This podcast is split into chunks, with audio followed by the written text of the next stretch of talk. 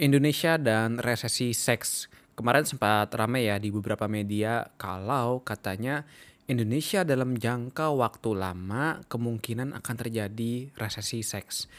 Ini saya bacakan ya beritanya disadur dari CNN Indonesia. Jadi sumbernya ini dari Kepala Badan Kependudukan dan Keluarga Berencana Nasional alias BKKBN Hasto Wardoyo yang mengatakan Resesi seks bisa saja terjadi di Indonesia, namun prosesnya masih panjang dan tak akan terjadi dalam waktu dekat. Kata dia, masyarakat Indonesia masih doyan menikah. Bukan hanya itu, kebanyakan orang Indonesia yang menikah juga memiliki tujuan prokreasi atau keinginan untuk memiliki anak. Potensi itu ada ya, tapi sangat panjang. Karena kan gini, usia pernikahan semakin lama semakin meningkat. Ini bicara pernikahan loh, bukan seks usia pernikahan itu mundur karena semakin menumpuk studi, karir dan sebagainya. Kemudian uh, misalnya wanita saat ini lebih mementingkan kesejahteraan dan kualitas hidup bersama pasangannya, sementara pria yang memiliki Sementara pria yang memilih tidak memiliki anak biasanya hanya mementingkan kebutuhan menyalurkan gairah seksual dalam hubungan pernikahan. Tentunya jika hal ini terus terjadi dan makin banyak, bukan tidak mungkin resesi seks bisa terjadi di Indonesia. Jadi bisa saja terjadi minus growth atau zero growth. Sekarang ini kan beberapa daerah sudah minus growth seperti beberapa kabupaten di Jawa Timur, Jawa Tengah, jumlah anaknya sedikit. Nah, saya mau memberikan pendapat saya ya tentang isu ini karena menurut saya sebenarnya kayaknya ada yang sedikit kekeliruan ya, ada sedikit kekeliruan dan saya yang kurang setuju. Tapi sebelum kita bicara banyak tentang masalah resesi seks di Indonesia, kita harus tahu dulu apa sih yang dimaksud dengan resesi seks. Karena resesi seks ini punya definisinya tersendiri dan nggak bisa disalahartikan ya.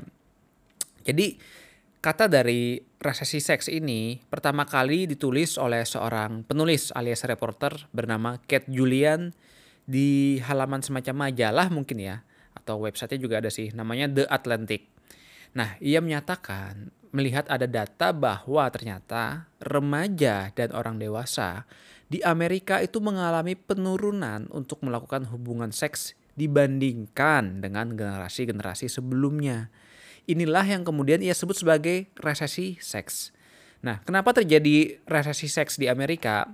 Hipotesisnya sih dia ada lima faktor ya yang disebutkan. Yang pertama, itu karena mudahnya akses pornografi. Jadi anak-anak muda kalau dulu kan mau menyalurkan hasrat seksual dia harus berhubungan seksual karena ya aksesnya terbatas untuk pornografi. Sekarang dengan internet yang sudah semakin mudah, perkembangan zaman, pornografi yang lebih mudah diakses, akhirnya banyak anak muda yang menyalurkannya melalui pornografi. Itu alasan yang pertama. Yang kedua itu katanya dikatakan karena semakin berkurangnya waktu untuk anak muda dapat pacaran. Oke, ini kedengarannya agak klise ya, tapi ini menurut uh, reporter tersebut begitu alasannya. Karena gini katanya anak-anak muda zaman sekarang itu dia lebih banyak dialokasikan waktunya untuk pengembangan diri sehingga mereka berkurang tuh untuk bisa menghabiskan waktu bersama pacar atau pasangannya. Kemudian penyebab ketiga itu adalah karena penggunaan aplikasi pencari jodoh online seperti Tinder, Bumble dan lain-lain. Nah, ternyata dengan maraknya aplikasi online itu bukan berarti seseorang bisa lebih mudah menemukan orang yang untuk bisa diajak hubungan seksual.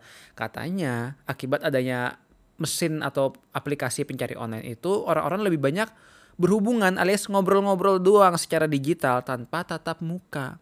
Bahkan ujung-ujungnya cuma melakukan via video call dan segala macam sehingga akibatnya apa? Gak terjadilah hubungan seksual secara langsung. Nah, yang keempat ini yang cukup menarik ya jadi faktor risiko terjadinya resesi seks di Amerika itu karena adanya nyeri saat berhubungan seksual. Di mana ini sedikit banyak dipengaruhi karena pornografi. Nah, karena anak-anak muda yang banyak nonton film pornografi dan mempersepsikan itu hal yang normal, sehingga mereka melakukan hal tersebut ke pasangannya. Padahal kan kita tahu ya pornografi itu settingan banget, nggak seperti yang kenyataannya. Nah, ketika anak-anak muda yang uh, minim edukasi melakukan hal yang sama di film porno kepada pasangannya, yang terjadi adalah pasangannya merasakan nyeri. Dan nyeri ini dapat menimbulkan trauma sehingga seseorang menjadi enggan untuk melakukan hubungan seksual. Dan inilah yang menyebabkan terjadinya penurunan jumlah hubungan seksual. Yang kelima itu adalah karena ini katanya agak unik juga nih. Katanya anak-anak muda sekarang itu lebih menjaga privasi terhadap tubuhnya. Jadi ada perbedaan kultur antara dulu dan sekarang. Katanya orang-orang yang dulu itu mereka lebih percaya diri dengan tubuhnya. Karena apa? Karena udah terbiasaan tuh mereka mandi bareng-bareng. Kemudian sering di ruang ganti gitu ya, ganti baju dan lain-lain. Nah, sementara sekarang sudah mulai uh, jarang tuh uh, perubahan budaya-budaya tersebut sehingga mereka lebih apa ya, lebih menjaga terhadap tubuhnya. Nah, seseorang yang percaya diri terhadap bentuk tubuhnya ini tentunya akan berimbas baik terhadapan terhadap kehidupan seksualnya. Jadi itu lima poin ya yang menjadi hipotesis kenapa di Amerika terjadi resesi seks. Nah, dari poin-poin di atas itu, kita dapat mengambil kesimpulan kalau sebenarnya resesi seks ini terjadi akibat berbagai faktor, terutama faktor lingkungan, pengalaman, perkembangan zaman, dan lain-lain. Yang kena getahnya siapa paling sebanyak? Yang paling banyak kena itu tentu anak muda. Dan itu dibuktikan juga melalui data. Walaupun usia tua juga terdampak penurunan ya. Terlebih karena pandemi kemarin tuh. Waktu pandemi kemarin kan banyak orang yang khawatir ya untuk berhubungan seksual. Tapi kalau kita lihat dari yang lima hipotesis tadi itu memang kayaknya lebih banyak kena anak muda. Karena itu masalah anak muda banget ya.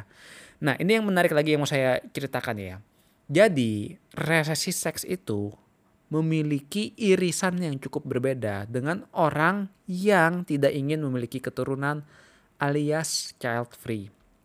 Karena apa? Karena orang yang sudah memiliki banyak keturunan bisa saja ia mengurangi hubungan seksual karena ada faktor-faktor yang kurang nyaman bagi dia sehingga dia menurunkan gairahnya. Artinya apa? Dia terjadi resesi seks tapi dia nggak child free, dia punya anak Ya, begitu pula sebaliknya, orang yang child free belum tentu dia terjadi resesi seks. Karena apa? Orang yang child free juga berhubungan seksual secara rutin.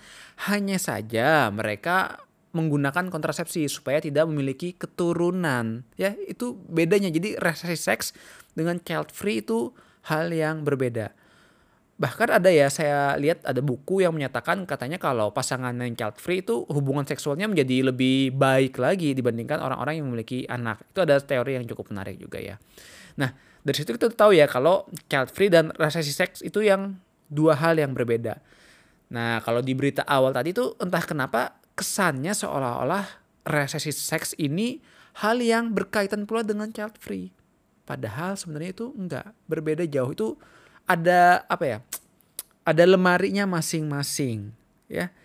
Jadi kalau kita bilang, oh Indonesia akan terjadi resesi seks karena usianya menikahnya semakin menurun dan uh, anak orang-orang sekarang semakin enggan memiliki anak, ya itu bukan resesi seks.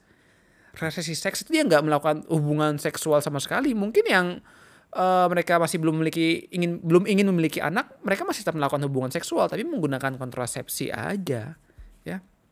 Nah, selain itu Menurut saya yang lebih menarik lagi itu adalah ada perbedaan kultural antara Indonesia dan Amerika.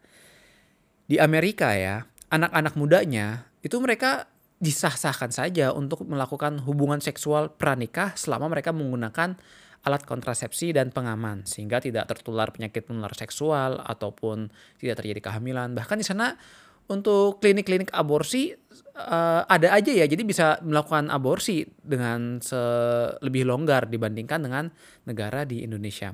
Di Indonesia tentu kita tahu dong ya kalau anak-anak mudanya lebih ditekankan untuk abstinence, untuk tidak melakukan hubungan seksual pranikah. Untuk aborsi pun sudah ada aturannya yang nggak boleh sembarangan, hanya dengan indikasi-indikasi medis saja yang bisa dilakukan. Nggak boleh orang seks bebas dilakukan aborsi di Indonesia ya, berbeda dengan di Amerika. Nah, kedua perbedaan kultural ini tentu akan memiliki uh, gayanya masing-masing. Di Amerika, anak-anak mudanya udah aktif secara seksual sebelum nikah.